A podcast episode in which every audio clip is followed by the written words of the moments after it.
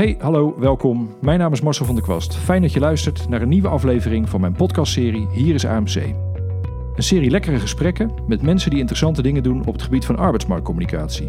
Om te laten zien en horen dat het een prachtig vakgebied is. Je gaat nu luisteren naar aflevering 16. Daarin praat ik met Yves Pilet van UWV. Je kunt alle info ook bekijken op mijn site www.werk-merk.nl. Daar zet ik per aflevering ook de show notes. Als we in de aflevering ergens over praten waar ik naar kan linken, zal ik die daar neerzetten.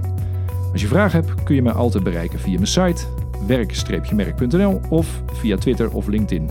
Veel plezier bij deze aflevering en alvast bedankt voor het luisteren. Vandaag ben ik de gast in Roermond bij Yves Pilet van UWV. Yves, goedemorgen. Dus nog net denk ik, of goedemiddag. Nou goed, dat uh, in ieder geval hoi. Um, fijn dat ik hier mocht zijn. Uh, we zijn te gast bij UWV in Roermond. Um, nou, en we gaan uh, drie kwartiertjes praten over uh, jouw vak en mijn vak. Um, ik begin altijd met een introotje. Waarom, ik het, waarom het mij interessant lijkt om met jou te spreken. Nou, dat zal ik nu ook braaf doen. Wees gerust, je mag het daarna allemaal nuanceren en in je eigen woorden nog een keer over doen hoe het echt zit. Maar het is, nou, ligt hier ook op tafel. Het gebeurt niet zo vaak dat er iemand een boek schrijft over employer branding. Nou, dat heb jij, uh, wanneer was het? Eind vorig jaar, denk ik. Hè? Ja, het is nu uh, eind 2000. November 2017. Heb jij een boek geschreven, uh, Boost Your Employer Brand, gaan we het straks over hebben. Je bent werkzaam bij UWV en vanuit die hoedanigheid spreek je ook veel werkgevers. En die vertel jij over employer branding. Nou, dat, dat is mooi, want ik heb het ook wel eens over employer branding. Dus daar kunnen we later, gaan we, het, we gaan het over UWV hebben, we gaan het over je boek hebben. Maar we gaan het vooral ook over het vak employer branding hebben. Dus nou, dat leek mij in ieder geval interessant. Dus dat was voor mij genoeg reden om af te reizen naar wat je hier ziet. Dit is waarschijnlijk het stadhuis van Roermond, waar we bij zitten. Dus uh, dat vond ik, leek mij interessant. Maar de echte introductie van jezelf, die mag je natuurlijk zelf doen. Dus uh, stel je voor. Dat, ja. uh... Nou, dankjewel. Volgens mij klopt die deelt al heel erg hoor. mijn, mijn naam is Yves Pilet. Ik werk inderdaad bij UWV als arbeidsmarktadviseur. En ben daar vooral specialist in employer branding. En zeker de laatste twee jaar ben ik er vooral om uit te leggen aan werkgevers: wat kun je met dit onderwerp? Hoe doe je dat? En wat komt er allemaal bij kijken? Korte maar krachtige introductie. Ja, precies. precies. Nou, dat, dat, dat is mooi. Dat is mooi. Dan uh, winnen we tijd, gaan we later gigantisch uitlopen. Maar dat geeft helemaal niks. Dat geeft helemaal niks. Nou, laten we beginnen bij, uh, bij UWV. Um, want nou ja, de naam kan niemand ontgaan. De UWV is uh, vaak in het nieuws, alleen nooit zo heel positief. Dus daar gaan we het allemaal nu niet over hebben. Maar ergens in het pakket van UWV zit dus ook voorlichting van, van werkgevers over verschillende gebieden, waaronder employer branding. V vertel eens, wat, wat, ja. uh, in, in, hoe, hoe, hoe, past dat binnen, binnen het totaal van UWV en, en wat houdt het in? Ja, de primaire taak is natuurlijk het zorgen voor die uitkeringen van UWV. Daar is de organisatie ook voor. Maar we, willen ons ook steeds meer focussen op het element delen van kennis. Dus we hebben ook een speciale kennisagenda. Specifieke afdelingen die zich daarmee bezighouden. En ik werk zelf bijvoorbeeld bij de afdeling arbeidsmarkt, informatie en advies. En die brengt in beeld van wat gebeurt überhaupt op die arbeidsmarkt. Wat zien we aan de aanbod- en de vraagkant. En als je die met elkaar vergelijkt, wat gebeurt er dan met de spanning? Wat voor gevolgen heeft dat voor specifieke beroepen en sectoren? En dat is allemaal kennis voor bijvoorbeeld werkgevers, hoe jij met jouw beleid op de arbeidsmarkt om moet gaan. Ja, ja. En het delen van die kennis gaat, als je het vergelijkt met vroeger, zeg een vijf of tiental jaar geleden, verder dan alleen het publiceren van alleen die publicatie, ja. in de ja, zin precies. van zenden. We willen veel meer in gesprek zijn, die strategische partner ook zijn voor werkgevers. En dat, daar zetten we ons voor in. En dat doe jij door het hele land? Dat is in heel uh, Nederland, ja. Ik ja. doe dat vaak met collega's, ook andere collega's van mijn afdeling of een collega van een, dat noemen we het landelijk werkgeversservicepunt. Dat is iemand die specifiek ingezet wordt op een bepaalde sector. Die kan dan weer uitleggen in dit geval wat gebeurt er in de sector transport en logistiek. En dat, en dat is gewoon heel erg leuk, ja. omdat je dan in de regio regionale verhalen hoort van werkgevers. En dingen die je daar ophaalt, kun je in een andere regio weer delen. Ja. En als je over de breedte kijkt, hè, wat voor werkgevers er bij jou uh, aan tafel komen of in, het, in, in de zaal zitten, uh, uh, zie je dan daar eigenlijk een beetje, nou, dan zit je met je neus op de marktontwikkeling. Ja, precies. Ja. Wat, wat, wat valt je op aan het soort bedrijven of het soort werkgevers wat er bij je aanschuift? Is dat, kan je daar iets van, is daar een bepaalde sector of is dat veel overheid of juist niet? Of... Mm -hmm. Ja, het zijn, ehm, wat ik vooral heb gezien, eh, een scala aan bedrijven uit allerlei eh, sectoren en ook uit van allerlei omvangen. De hele grote, die, die zitten er vaak niet bij, want die hebben ook wel daar al stappen gemaakt met betrekking tot het onderwerp. Maar het, het zijn soms bedrijven van drie man tot 300 man die daar zitten. En als ik kijk naar welke sector, dan is dat vooral ook wel zorg. Daar komt de krapte natuurlijk steeds meer naar voren. Technische bedrijven, IT-bedrijven in bepaalde mate. Maar je komt ook landbouwbedrijven tegen die nadenken over dit proces en hoe Ja. ze dat moeten gaan invullen. Ja. Dus het is, het is breed. En is het. ehm, zijn er, er bepaalde drempels? Want, want kijk, wat bij jou natuurlijk naar die sessies komt, doet nog niet aan employer branding. Dus die moet je eigenlijk nog. Meeste niet. Nee. Wat zijn voor, voor dat soort organisaties, wat zijn de meest levende drempels of belemmeringen om aan employer branding te gaan doen? En wat mij heel erg opvalt is, eh, en ik doe dat vaak aan de hand van drie stappen, hè, stappen die nodig zijn om te bouwen aan je employer brand, is dat ze wel heel goed nadenken over hoe gaan we communiceren met de markt. Dus het plaatsen van een concrete vacature. En ze willen dan ook graag input om die vacaturetekst aan te scherpen. En hoe gaan we functieprofielen omschrijven, hoe doen we dat? Dus dan zit je echt in de recruitment kant. Ja. Maar employer branding gaat ook vooral om het vasthouden van je medewerkers. Zeker als je krapte op de arbeidsmarkt hebt. En bepalen wie jij als werkgever bent, de stap die daarvoor komt, daar denken heel veel bedrijven nog niet erg goed over na. Oké. Ja. Nou, het, herkenbaar. herkenbaar. Maar, maar waar zou dat, waar komt dat door? Ik denk dat het misschien te maken heeft ook met hoe organisaties zich ontwikkelen. Als je kijkt naar bij wijze van spreken een vijftigtal jaar geleden, dan was het we starten met het verkopen van een bepaald product of dienst. Dat is ons primaire doel.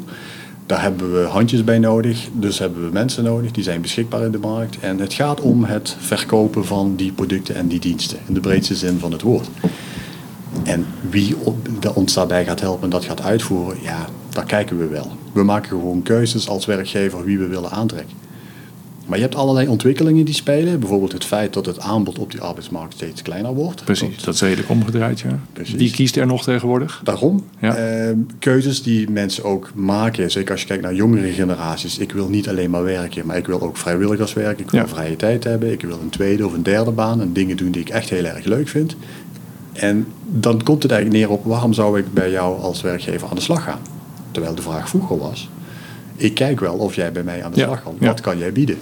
Dat grote verschil, daar zijn de meeste werkgevers nog niet zo heel scherp mee bezig. Nee.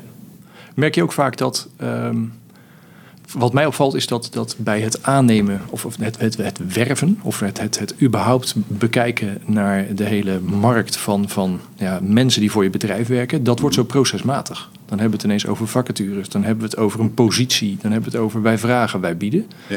Terwijl als je mensen erover spreekt, gaat dat nooit in die taal. En dan, dan, maar, maar dan hoor je soms wel eens een keer van ja, recruitment, dat is iets, eh, daar ben ik niet van.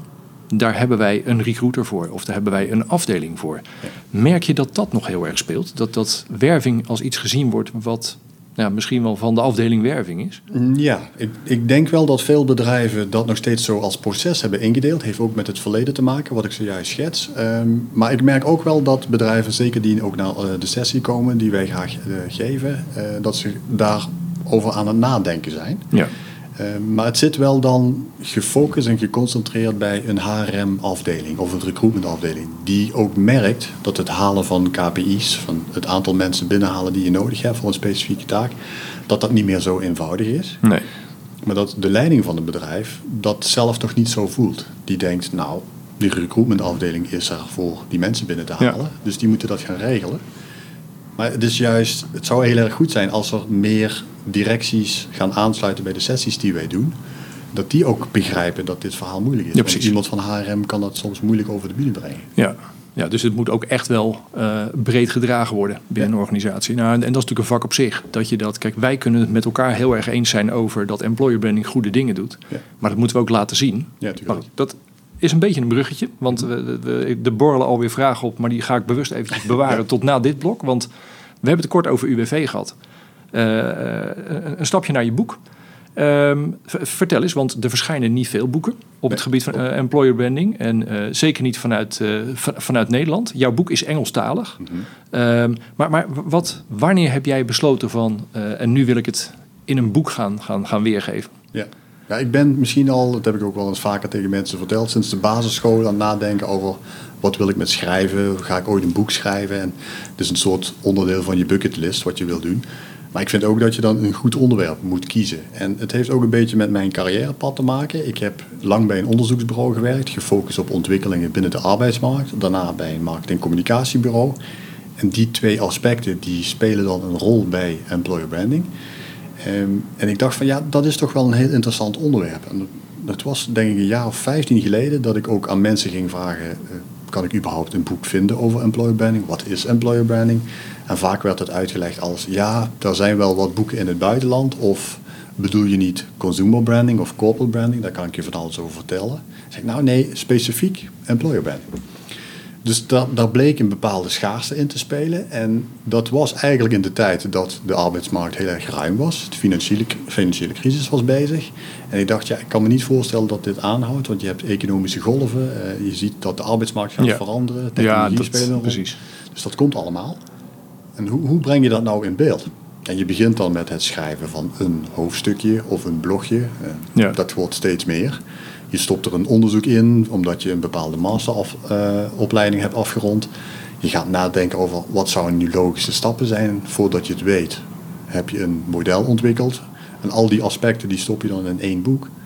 Eh, En uiteindelijk, en dan hebben we het wel over een periode van 6, 7 jaar, is er dan het boek. Ja, precies. Ja, en dan is het eigenlijk op het moment dat je hem klaar hebt, dan zijn sommige dingen in dat boek, daar ben je dus inderdaad al zes, zeven jaar mee bezig. Dat, dat, en, en hoe is het dan als je dat ineens ziet staan? Is het dan, voelt het dan bijna als, als verouderd of kom, komt het door die golfbeweging ook juist wel weer terug iedere Ja, keer? ik heb daar eerlijk gezegd ook over nagedacht hoe je dat boek opschrijft. Want het is jammer natuurlijk als je een boek uitbrengt dat het dan op dat moment interessant is. Ja. En na een half jaar alweer een beetje wordt vergeten.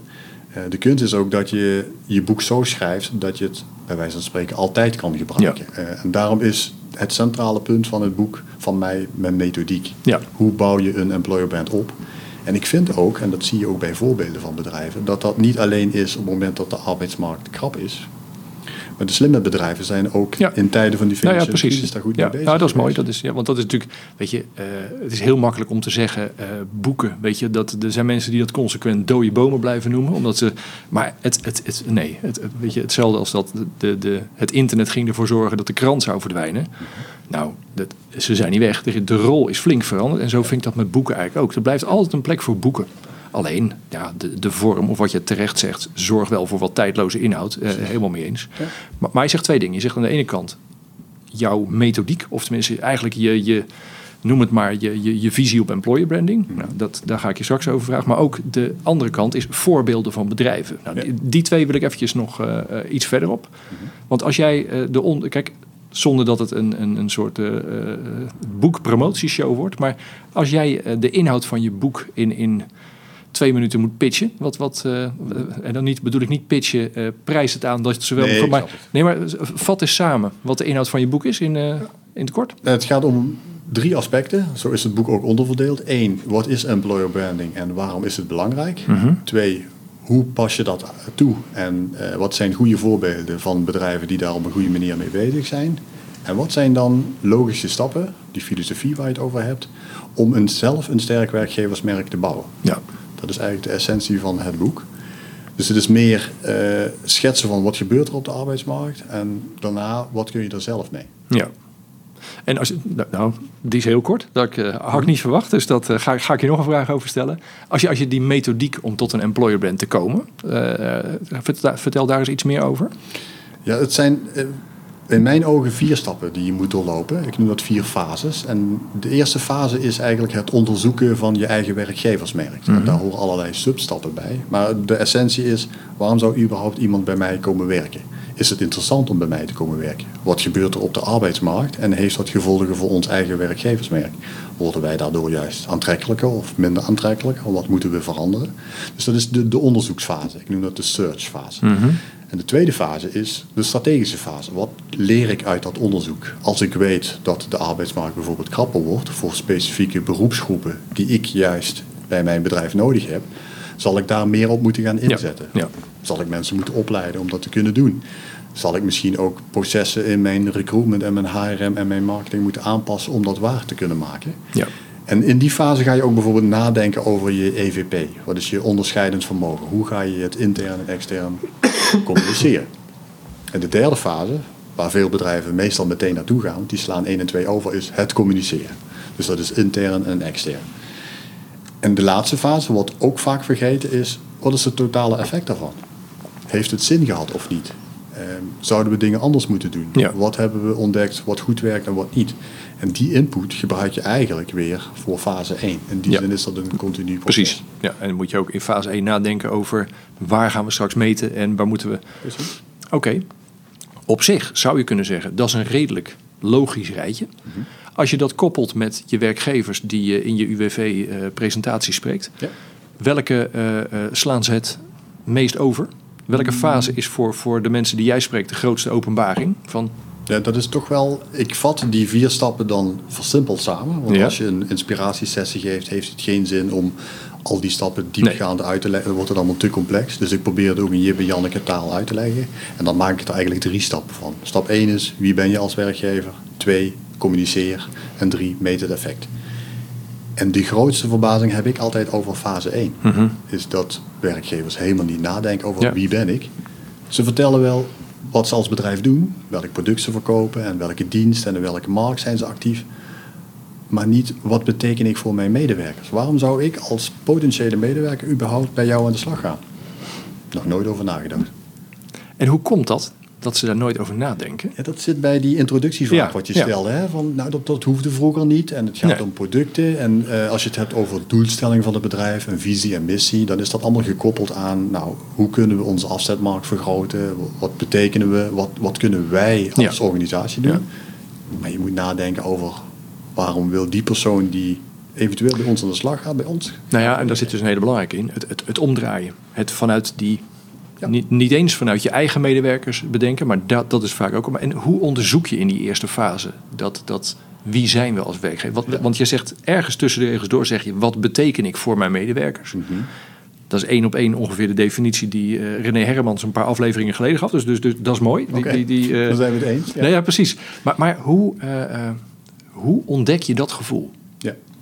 Ja. De, de kunst is dat je als werkgever, zeker als je op directieniveau zit en misschien ook denkt, nou ja, dat is een stukje voor HRM, dat je aannames maakt. Dat je denkt, wij zijn een goede werkgever omdat wij een mooi salaris betalen of onze reisafstand tot onze fabrieken zijn niet zo ver of er zijn opleidingsmogelijkheden. Maar dat is niet altijd het belangrijkste. De Nee. kunst is dat je dat gaat onderzoeken. En dan kun je zeggen, ja, grote werkgevers hebben daar het geld voor. Die gaan adviseurs inhoeken, online vragenlijsten, focusgroep. Maar ik zeg altijd, je moet twee dingen doen als je dat wil onderzoeken. Eén, vraag het aan je medewerkers. Dus waarom werk je hier eigenlijk? Ja. Waarom vind je dit interessant? Ja, en waarom werk je hier al 23 jaar? Of waarom heb jij Precies. een half jaar geleden ervoor gekozen om hier te komen werken? Daar zit, daar zit onwijs veel informatie. Dat, En de eh, kunst is in die zin dan ook communiceren niet zozeer alleen naar de markt toe, maar met jouw medewerkers. Ja, dat, ja. dat zijn ook jouw ambassadeurs. En in die zin ben ik het er ook wel mee eens dat als je dat heel erg goed doet, dat je ook helemaal niet aan, bij wijze van spreken, arbeidscommunicatie hoeft te doen, omdat die medewerkers dat dan zelf doen. ja. De kunst is dat je die mensen ook het echte verhaal laat vertellen. En als daar dingen in zitten die niet goed zijn, dan kom je een beetje bij die, die derde stap, dat evalueren. Ja, dan moet je aanpassingen doen. Ja. Als je zegt bijvoorbeeld dat je sterk bent in het opleiden van medewerkers. Ik weet bijvoorbeeld dat dat in UWV het geval is. Nou, wat veel mensen binnen UWV niet weten, is dat je daar ook zelf actie in moet ondernemen. Dat je zelf moet gaan achterhalen, waar kan ik dan aan die opleiding of die cursus beginnen. En de kunst is dat je dat gaat uitleggen. Dat je, en binnen UWV willen we dat ook steeds meer doen. Dat mensen dat begrijpen. Dus je kunt roepen dat je een sterke opleider bent. Maar mensen moeten dat ook voelen en weten waar ze moeten zijn. Ja, ja. Nou, en wat, wat ik interessant vind is dat de, de onderwerpen zoals je ze noemt, hè, van, van woonwerkverkeer, eh, opleiden, weet je, dat, dat dreigt toch ook alweer heel erg naar de, de eh, ja, bijna de intrinsieke kant te gaan. Van wat, wat, wat zoeken mensen in een, Ja. een baan? Nou, en- en, die kloppen allemaal hoor, begrijp me goed. Maar ergens, wat, wat ik het meest merk, is dat je de, de, ja, bijna de bovenste laag van een, van een verhaal van wat doen we hier eigenlijk met z'n allen? waar, waar, waar streven we naar? Ja. Dat hoeft, eh, weet je, nou ja, voor het weten, dat moet je niet purpose gaan noemen. Want, want dan trek je het in, in, in een aantal gevallen ook veel te hoog. Want het gaat niet altijd over eh, eh, het klimaat verbeteren of de wereld redden. Nee. Maar al kan je alleen maar beantwoorden, wat, wat doen we hier met z'n allen? Mhm. waar, waar zijn we met z'n allen mee bezig? En het interessante is dat je dan weer eigenlijk een beetje de kant van corporate uitgaat. Want dan Ja. krijg je ook vaak te horen van, ja, dat hoeven we niet te vertellen. Want dat doen we al in corporate. corporate communicatie. Terwijl je denkt, dan ga ik weer terug naar wat jij net zei. Bedenk het nou eens vanuit die medewerker. Ja, precies. die heeft dat helemaal niet gezien. Dus ik ben het niet helemaal met je eens dat je zegt dat dat verhaal van de... eh, het grootste gevaar was dat we het heel erg eens gingen zijn. Dus nee, dat, eh, dat, dat willen we juist niet. Hè? Nee, we moeten een beetje discussie hebben. Kijk, ik, ik ben wel ervan overtuigd dat je moet uitgaan van purpose. Wat is het doel van je bedrijf? Maar het wordt wel vaak uitgelegd als het corporate purpose. Mhm. En ik zeg altijd, als je kijkt naar employer branding en corporate branding, dat is hetzelfde eh, onderdeel, maar dat zijn twee verschillende kanten van dezelfde munt. Dus corporate branding wordt heel vaak gefocust op eh, wat willen we als bedrijf, welke producten, welke diensten, Mhm. welke visie hebben we daarbij. En de meeste bedrijven hebben dat goed in orde of denken daarover na. Maar hoe je dat wil gaan invullen, dan ga je naar de employer branding kant. En dat is ook veel meer de zachte kant. ja, ja, eens. Hij hoort, hij hoort er zeker bij. Dus je ja. hebt een, ook een purpose, maar dan de zachte kant daarvan. En de kunst is dat je dat gaat ontdekken. En om dan te zeggen van ja, we willen nu bijvoorbeeld als financiële instelling ook goed zijn voor het milieu, omdat dat aanslaat vanuit de MVO-gedachte. Ja, dat, dat kun je moeilijk waarmaken. Ja, ja, eens. Dus je moet iets opzoeken wat in de zachte kant zit. En zeker als je nadenkt over een organisatie als UWV, waar wij ervoor kiezen om mensen aan het werk te helpen. Dat wij een sociale organisatie zijn en nadenken over hoe kunnen wij nu ervoor zorgen dat iedereen aan het werk komt. Dat zijn aspecten die ook ingebakken zitten in de organisatie, Ja. ongeacht wat Ja. je van die organisatie vindt. En daar moet je dan op gaan inspelen. Dat is ook de reden waarom mensen kiezen voor onze organisatie en niet voor andere organisaties. Ja, ja. Nou, dat, hij is interessant, hè? want, want eh, corporate versus eh, eh, employer brand, het is, je moet ze eh, eh, aangesloten houden. Zodat het, weet je, het is dezelfde stem die, die, die, die Ja. tegen mensen praat. En dat, dat alleen ja, voor, om- iemand over de streep te trekken om bij te komen werken, is er meer nodig dan alleen maar corporate. Zeker. Maar je merkt ook vaak dat het employer brand te los staat van corporate. Dat het is van, Ja. oké, bij ons help je mee om zoveel mogelijk... We, we willen de, de, de grootste retailer op het gebied van puntje puntje worden. Ja, eigenlijk hartstikke mooi verhaal. Ja, wil ik aan meehelpen. Maar je moet ook uitleggen waarom het voor mijn vakgebied interessant is... en wat ik er zelf aan heb. Dat, dat, eh, ik, heb, ik, heb ik, ik gebruik de laatste tijd vaak een artikel... Wat ik, eh, wat, dat gaat over een eh, onderzoek wat Facebook heeft gehouden... onder zijn eigen medewerkers. En het, dat is, nou goed, maar dat, even een Ja, zijstapje. interessant. Ja. Ehm, dat gaat eigenlijk over je, je verhaal als werkgever. Dat je daar altijd drie elementen in moet hebben zitten. Dat is career, dat is cause en dat is community. Waarbij career is, wat heb ik eraan in mijn werkzame leven? Voor, voor mijn opleiding, voor Ja. mijn, weet je. En eh, ook gewoon letterlijk arbeidsvoorwaardelijk. Eh, de cause, of de, de community is dan, wat is de club? Wat, is het, wat voor club mensen is het? Wat, worden, wat voor collega's? Wat voor sfeer? Waar ga ik bij horen? Ja. En de cause is, weet je, waar draag ik aan bij? Ja. Zonder dat die, nou, wat we net zeiden, weet je, dat hoeft echt niet altijd de nee, wereldredder te zijn. Nee, maar ergens is interessant dat als je veel verhalen van werkgevers gaat bekijken, dan kiezen ze bijna één van die drie. Terwijl uit dat onderzoek komt dat eigenlijk iedereen zoekt op al die gebieden wel een soort van antwoord. Ja, precies. Ja. Ja, laat me ook heel, een leuk voorbeeld. Want dat laat me heel erg denken aan hoe zou je, ehm, als je het hebt over die stap 2, dat communiceren, hoe zou je zo'n vacaturetekst moeten opbouwen? Die vraag die krijg ik ook wel vaker uit de zaal. Ja. En dan zeggen ze, ja, kun je iets vertellen over wat dan in een functieprofiel moet staan of juist niet? Ik zeg, nou eigenlijk heb je drie lagen. Ik zeg, in het eerste gedeelte, die eerste alinea van je vacaturetekst, moet je uitleggen wie jij als werkgever bent. Dus dat zit in de hoek van cause en community. Ja, ja. Dus wat, wat betekent je Precies. überhaupt? En dan ook tastbaar. Niet van we willen de wereld redden, Ja. maar waarom zou überhaupt iemand bij jou aan de slag gaan? En dat kun je onderbouwen door merkwaardes, waar je zelf ook onderzoek naar hebt gedaan. Daarna ga je uitleggen wat specifiek van belang is voor de afdeling waar je Ja. aan de slag gaat. Dat is een, een Ja. nuancering van die cause. En dat zeg je al als tweede, want dan heb je al, weet Precies, je wel, dan, dan ben je waar. al een soort van in beeld. Dan kun je ook verder gaan. Dat, Niet iedereen kent jouw organisatie. En misschien kennen ze wel jouw organisatie, maar niet de specifieke afdeling waar je voor werkt. Dan ga je uitleggen wat zijn de functie-eisen überhaupt. En zeker als je kijkt naar de huidige krap arbeidsmarkt, ga dan niet 10, 15 dingen noemen. Maar denk goed na over welke aspecten zijn echt het allerbelangrijkste. ja, En als je wat minder aspecten hebt die daarbij een rol spelen, maar wel leerbaar zijn, noem die niet in de vacature. Ja. Opeens heb je veel meer aanbod waar je uit kunt gaan kiezen. En als je dan mensen gaat aannemen die niet al die aspecten kunnen eh, aanbieden, maar wel die cruciale aspecten, nou, dat leren ze wel. Dat hoort bij dat opleidingstraject. En dan wordt het makkelijker om mensen aan te trekken. Dus je kiest uit de mensen die passen bij jouw bedrijfsprofiel, je cultuur. Dan ga je kijken hoe ga ik die functie dan realiseren. En dan maak je het ook breder door die keuze wat makkelijker te maken. Maar je moet wel anders denken. Ja. Je moet weten wie je als werkgever bent, anders kun je dat eerste Precies, blokje niet precies. invullen. En je moet ook zaken kunnen loslaten. Je kunt niet zeggen, Nou, ik ja. wil het schaap met die vijf poten. Nee, en zeker, zeker als je qua communicatie nog meer moeite moet doen om, om, om in, onder de aandacht te komen, ja, dan moet je ook niet al die aspecten van dat verhaal gaan vertellen. Dan Nee. moet je heel scherp kiezen. Precies. En dan moet je gaan kijken van die drie dingen, waar zijn we nou het sterkst op of het meest Ja. onderscheidend? En dat is wel interessant om te zien wat werkgevers dan gaan roepen. Je moet maar eens gaan kijken hoe harder eh, werkgevers roepen dat het, de sfeer zo goed is, Mhm. des te minder eh crosslaag hebben ze, zeg maar, weet je, van als bijdrage aan een geheel. Want dat is, dat is ook logisch. Als je daar, kijk, Triodos Bank Mhm.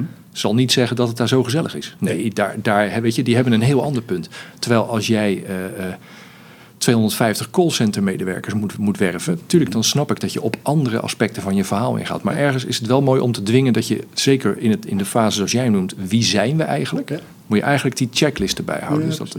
En in Maar- die zin zijn we het heel sterk wel eens. Hoor. Tuurlijk. ander punt. Kijk, Ja, kiezen dat- dat- van... eh, Dat is, vind ik een cruciaal woord als je het hebt over employer branding. Kiezen. Ja. Durven te kiezen.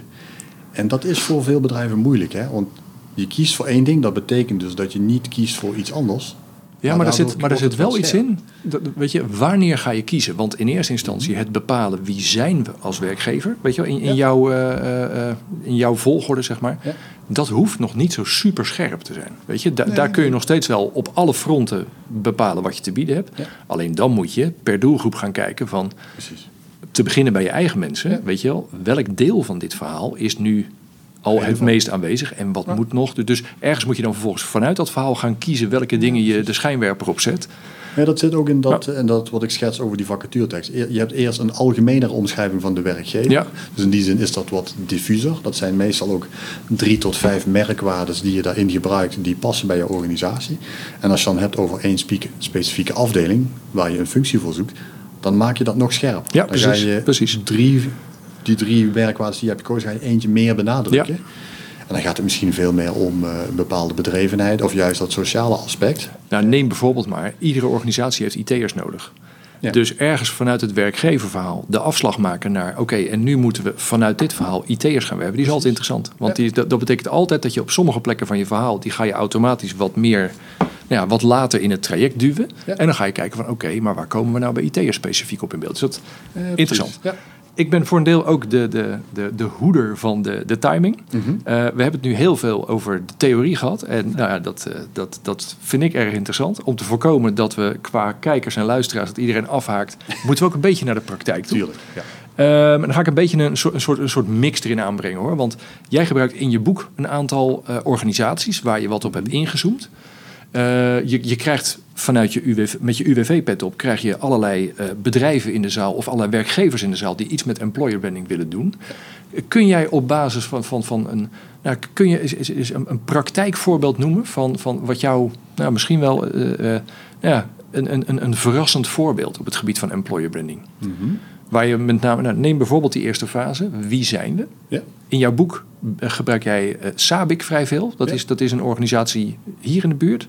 Ja, die, zitten ook, die hebben een Europees hoofdkantoor in Sittard. Dus dat is eh 20 minuutjes verder dan Roermond. Eh, maar ze zitten over de hele wereld. Dat is Ja. een hele grote speler. Eh, Een man of 45.000 werkt daar in 40 verschillende landen. Petrochemisch bedrijf. Het is in Nederland vooral ontstaan vanuit een afslag van DSM. Dus Ja. de meeste mensen kennen dat wel. Eh, En die, die hebben daar ook in eerste instantie goed over nagedacht. Het is een vrij nieuw bedrijf, 1976 ontstaan, maar is nu al nummer 4 in die sector. En die hebben ook goed nagedacht over wie zijn wij als werkgever. Dus je kunt in die zin, als je kijkt naar de campagnes die wij ook vanuit mijn vorige baan hebben gedaan, het werven van procesoperators, daarop gaan inzetten en een prachtige campagne maken. Maar je moet wel uitleggen wat je bent. Ja. Want als jouw hoofdkantoor in Riyadh, Saoedi-Arabië ligt, en je moet dat verwerken in jouw verhaal, wat betekent dat dan voor een medewerker die aan de NAFTA-kraker staat in Sittard? Voelt hij daar iets van? Is dat een cultuurverschil? Vindt hij dat prettig of juist niet? En als je een nieuwe NAFTA-kraker wil gaan openen in Limburg, is dat wel de meest slimme plek? Of moet je bijvoorbeeld uitwijken naar Bergen op Zoom? Wat gebeurt er op die arbeidsmarkt? Dus die, die onderzoeksfase, Ja. daar hebben ze heel erg goed naar gekeken. Voordat ze überhaupt ook financiële beslissingen nemen. Ja, precies. Want dan plaats je het nog eerder dan communicatieafweging. Dan is het gewoon puur, waar zit mijn doelgroep? Moeten we daar qua vestigingsplaats in de buurt gaan zitten?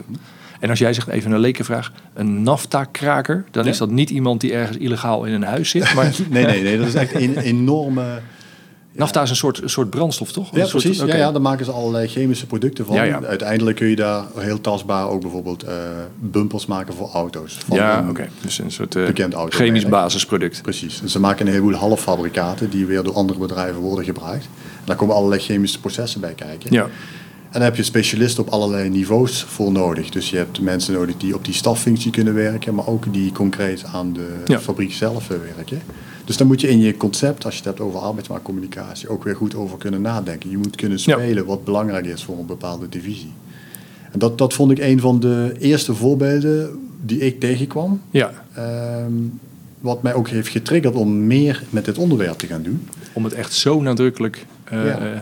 van het begin af aan te, te, te mee te nemen eigenlijk in, in, in, in de opzet van je bedrijf bijna. Ja, want ik was gewend vanuit mijn vorige baan, dat was een markt- en communicatiebureau, om ook mee te werken aan arbeidsmarktcommunicatiecampagnes. En dan werd gezegd, nou, dit is de briefing, dit is de doelgroep die we gaan bereiken. Maar bij dit bedrijf kregen we een onderzoek toegestuurd, plus die briefing. En in dat onderzoek werd aangegeven wat die ontwikkelingen op die arbeidsmarkt zijn. Waarom we juist moeten kiezen voor bepaalde beroepsgroepen, hoe ze daarop willen gaan scoren. En wat de input dan is ook voor de omschrijving van jouw vacaturetekst, wie zijn wij als Ja, werkgever. ja, ja. Toen dacht ik, dit gaat toch wel een heel stukje verder dan alleen de mooie campagne. Dus employer branding is eigenlijk, dat begint veel eerder dan dat je... En, en dan een ander link, hè? Want, want ergens wat mij in je boek triggert, is dat je daar als ondertitel, even spieken hoor, linking the employer brand with financial performance. Nou, daar heb je letterlijk natuurlijk een, een eh, nou ja, aan de ene kant de Achilleshiel van het vakgebied te pakken. Ja, Aan de andere kant ook de holy grail, want als jij aan kan tonen precies. wat employer branding oplevert, kan je ook wat duidelijker uitleggen waarom het kost wat het kost. Ja.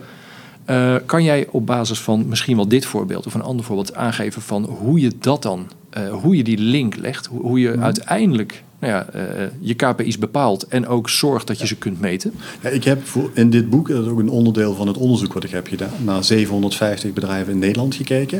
En daar heb je gekeken naar één, ben je überhaupt met employer branding bezig? Hoe meet je dat? Vragen gesteld over medewerkerstevredenheid. Is je productiviteit juist gestegen of gedaald? Ook gekeken naar KVK-cijfers op basis van financiële prestaties. En ik heb daar ook een model van gemaakt en dat ook getest. En de conclusie is dat je ziet, nou, als we ervoor zorgen dat wij onze medewerkers loyaal kunnen maken, dan zorg je er ook voor dat jouw klanten loyaler worden. Dan wordt het makkelijk om die mensen ook vast te houden. Je hebt één aanspreekpunt. Vind ik zelf ook altijd prettig als je een organisatie belt. Dat je niet iedere keer je verhaal opnieuw moet uitleggen. Maar dat je hebt gewoon dezelfde persoon Ja, met dezelfde ja. informatie. Dan vinden mensen gewoon ook leuker om ergens te werken. Die klanten vinden het ook prettig om terug te komen. Mensen worden er ook productiever door. Dus die worden ook, kunnen ook makkelijker bepaalde taken afhandelen. En als, het gevolg daarvan is dat je dus ook een betere financiële prestatie kan neerzetten. Dus de kunst is dat je medewerkersloyaliteit bouwt, daardoor klantloyaliteit, je productiviteit stijgt en daardoor wordt je financiële performance ook beter. En er zijn voorbeelden eh, die op basis van het onderzoek naar voren komen waaruit blijkt dat dit steeds beter gaat. Maar de meeste bedrijven maken nog niet die associatie tussen mensen loyaler maken en dan ook financiële prestatie. Er wordt vaak gedacht, we moeten klanten loyaler maken. Ja. Customer is king. Ik zeg eigenlijk, jouw employees are king. Want dat is het begin. Maar tegelijkertijd, zoals je het schetst, is het wel een, een, eh, een enorm systeem eigenlijk. Ja. Wat je moet zien te meten. Hoe, hoe, hoe heb je dat in de praktijk gedaan? Want, want de financiële performance meten. Nou ja, oké, weet je, de cijfers zijn beschikbaar. Ja. Maar hoe koppel je dat aan de loyaliteit? Of misschien nog wel. Nou, nee, nee. Hoe, hoe koppel je dat eraan? Ja. Die andere vraag bewaar ik even. Ja, ja. ja je, je gaat dan ook op basis van in, die- in dit geval dan eh, regressieanalyses kijken hoe, wat, wat gebeurt op basis van die cijfers. Hoe zie je dat? Is het zo dat als je een bepaalde groep van werkgevers hebt die het dan beter doet, dat die ook financieel beter presteren? Dus daar, daar zoek je dan het verschil in. Eh, maar het is, ik ben het met je eens. Het is moeilijk om dat te implementeren en dat ook concreter te maken. Ook om dat uit te leggen aan een specifiek bedrijf. Eh, Wat dan vaak beter werkt, is dat je voorbeelden laat zien van bedrijven die het juist heel erg goed doen. Die ook vanuit nature kiezen om met employer branding iets te doen. Ja. ja. Kun je een voorbeeld noemen van zo'n bedrijf? Ja, ik zit bijvoorbeeld te denken aan, uh, aan Voice uit Groningen. Dat is Ja, een, een ja. telecombedrijf. Bellen via internet doen ze heel veel. Het is een bedrijf wat ja, een paar jaar geleden eigenlijk maar begonnen is. Nu inmiddels gegroeid is tot een 100, 110 medewerkers. En je zou dan denken, oh, dat is dan een bedrijf wat sterk inzet op het feit dat je efficiënter kunt bellen via internet, dat het goedkoper is en dat het daarom ook leuker is om daar te werken. En dan zetten we wat pooltafels in de hal en dan trekken we die mensen aan. Maar, maar zo zijn ze helemaal niet gestart. Nee. Ze zijn gestart vanuit de gedachte, als hier mensen komen werken, vinden ze het niet prettig om voor één baas te werken. We zijn allemaal baas. Dus er is ook geen verantwoording ten opzichte van een laag erboven. We moeten verantwoording leggen ten opzichte van elkaar. Ja, ja ze, hebben, ze hebben letterlijk een holocratiemodel volgens mij. Ja, dat, dat, precies. ja. En daar hoort eigenlijk het verhaal van employer branding ook in thuis. Ja. Het is moeilijk om te zeggen, ja, alleen HR is daar verantwoordelijk voor. Of corporate communicatie, Ja. of de directie. Ik zeg, als je het goed wil doen, zijn die drie afdelingen samen daar verantwoordelijk voor. Ja, en het, en nou, het interessante is, je noemt eh, het voorbeeld van Voice. Vo- Is het Voice of is het Voiced? Nee, Voice. is het. Ja. Het is niet een heel groot bedrijf. En dat is natuurlijk ook altijd een van de vooroordelen over employer branding. Dat is interessant voor grote organisaties. Dat Sabic, wat je noemt, 45.000 man. Ja. Eh, maar ik vind het juist interessant. Ik vind dat je eigenlijk als kleinere club sta je veel sterker. Want dan is het veel duidelijker wat je verhaal is en waar je met z'n allen mee bezig bent.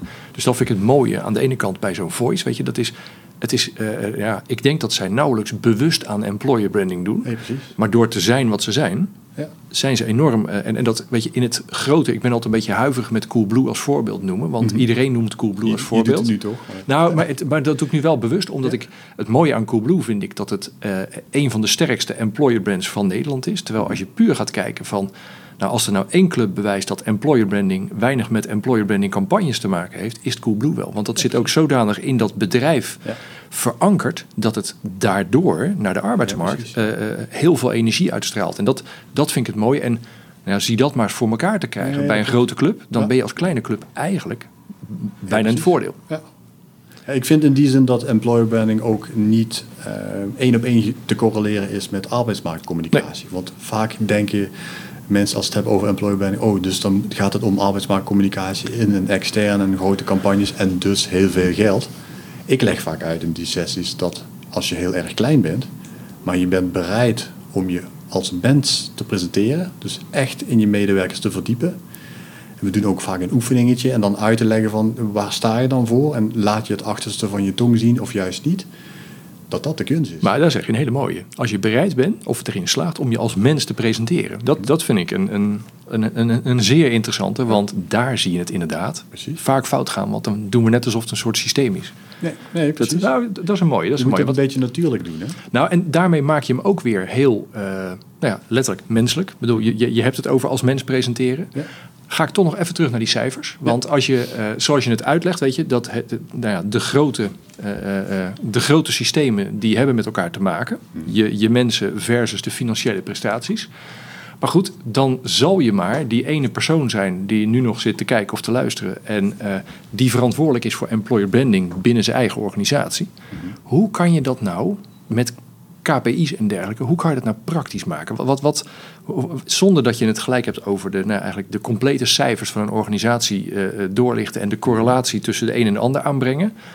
Dat, nou ja, laat ik zo zeggen, dat moet ook gebeuren. Maar daar heb je natuurlijk als individueel employer brand project, heb je daar niet altijd de gelegenheid toe. Ja. Hoe kan je nou wel wat jij doet aan employer branding en wat het kost, is vaak heel goed duidelijk te maken. Ja. Hoe kan je nou tastbaar maken wat het oplevert? Ja. Ja, grappig ja. Want je, zegt een heleboel woorden die meteen bij mij allerlei associaties hebben over van de KPI's. Eh, je hebt het over het in beeld brengen, één persoon. En ehm, hoe zorg je ervoor dat dit project, dat woord noemde je ook. Het zijn allemaal aspecten waar ik Ja. dan meteen... eh, Ja, eh, employer branding als project is natuurlijk, ja, daar kan je een eh, uitzending over vullen. En dan, Ja, eh, ja, dan is dat zo.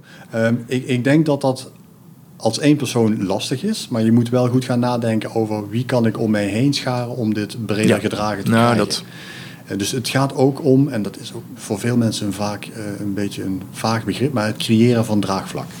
En ik geloof daar wel in. Het is ook eh, ervoor zorgen dat je inspirerend bent. Dus als jij een verhaal over de bühne wilt brengen waarom employer branding belangrijk is, is dat één, de manier hoe je dat brengt ook belangrijk.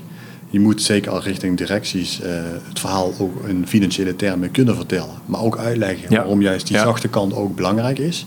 En als je dat dan ook weer kan laten zien door middel van de juiste cijfers uit een medewerkerstevredenheidsonderzoek bijvoorbeeld, dan helpt dat. Ja, Eh, maar je moet breder kunnen kijken dan alleen zeg maar, het aspect van employer branding in termen van cijfers. Ja. Want dat is één deel. Het andere deel is juist het zachte aspect. Ook als je kijkt naar ontwikkelingen binnen beroepsgroepen, wordt het steeds moeilijker om eh, onderscheidend te zijn en ook om na te denken over hoe kan ik een bepaald beroep realiseren. Er zijn allerlei digitaliseringsslagen aan de, eh, bezig die ervoor zorgen dat bepaalde beroepsgroepen wellicht overbodig worden. Maar juist die menselijke aspecten, hoe kan ik iemand inspireren? Hoe kan ik iemand coachen? Hoe zorg ik ervoor dat iemand boven zichzelf gaat uitstijgen? Dat zijn niet dingen die je machines en robots nee. kunnen leren. Nee, precies. Dus daar moet je dan ook op gaan inzetten. Ja. Maar kun je dat alleen binnen een middelgrote tot grote club? Ik denk het niet. Nee, maar dat, dat, is- dat is eigenlijk een beetje het, het eh, nou ja, heel dicht op de, het wezen van het vakgebied employer branding. Eh, het, het is, eigenlijk moet het geen doel zijn. Nee. Weet je, het, het is een middel om uit. En, en, en het, als jij eh, duidelijk kan maken, nou je haalt zelf al aan de, de, de loyaliteit of engagement, of, Ja. of hoe, hoe je dat ook noemt. Ehm, als jij kunt aangeven dat je daar een rol in speelt, dan liggen daar in die, die aanpalende vakgebieden, of dat nou recruitment is, of dat dat communicatie is als je in beeld moet komen bij mensen, of veel meer op je eigen mensen, Ja. dat valt vaak veel beter te becijferen.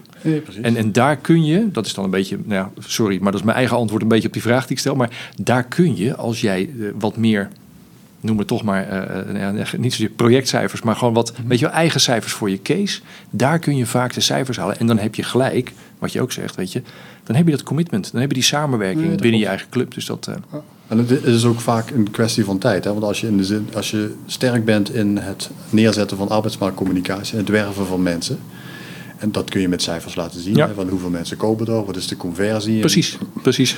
Dan is dat eigenlijk, als je kijkt naar employer branding, slechts een deel van het verhaal. Ja, ja. De kunst is dan om te kijken, blijven die mensen lang ook bij ons werken? Ja. Gaan ze ook zich naar de toekomst ontwikkelen? Wat ook weer te becijferen valt. Ja, weet je, dat, wat dat opbrengt. Maar is daar moet je van het ja. begin op insteken. Ja, dus bij die eens. fase 2 van je strategie, hoe doe je dat? En vaak wordt alleen maar dan nagedacht over, nou, hoe kunnen we dan in termen van recruitment dit doen? Hoe zetten we een campagne neer? Maar de kunst is juist dat dat breder gedragen wordt. Ja. Dat je ook bereid bent, en daar komt het ook heel vaak op neer, dat je bereid bent om je processen aan te passen. Ja. Ja. Dat je gaat nadenken over, nou, we moeten niet alleen maar meten wat de effectiviteit is van die campagne, maar ook hoe zorgen we ervoor dat die mensen blijven op welke aspecten meedoen. Doen we überhaupt iets met een effectief onboardingsprogramma of juist niet?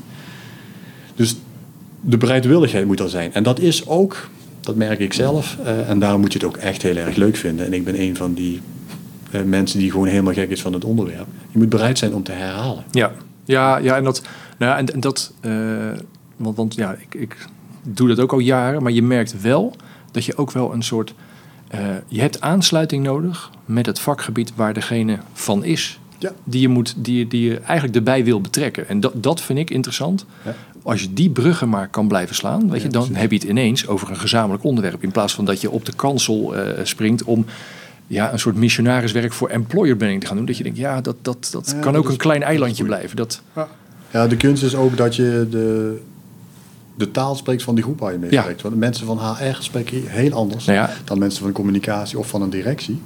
En als employer brand manager zit je daar eigenlijk tussenin. Ja. Dus je moet continu de vertaalslag ook kunnen maken. Dat iemand van HR ook begrijpt wat Ja, communicatie nou ja, en wil. daarbij een employer brand manager. Ja, er zijn nog heel veel organisaties die die helemaal niet hebben. Nee, dus precies. waar ligt het? Weet Nee, je, dat is dat altijd.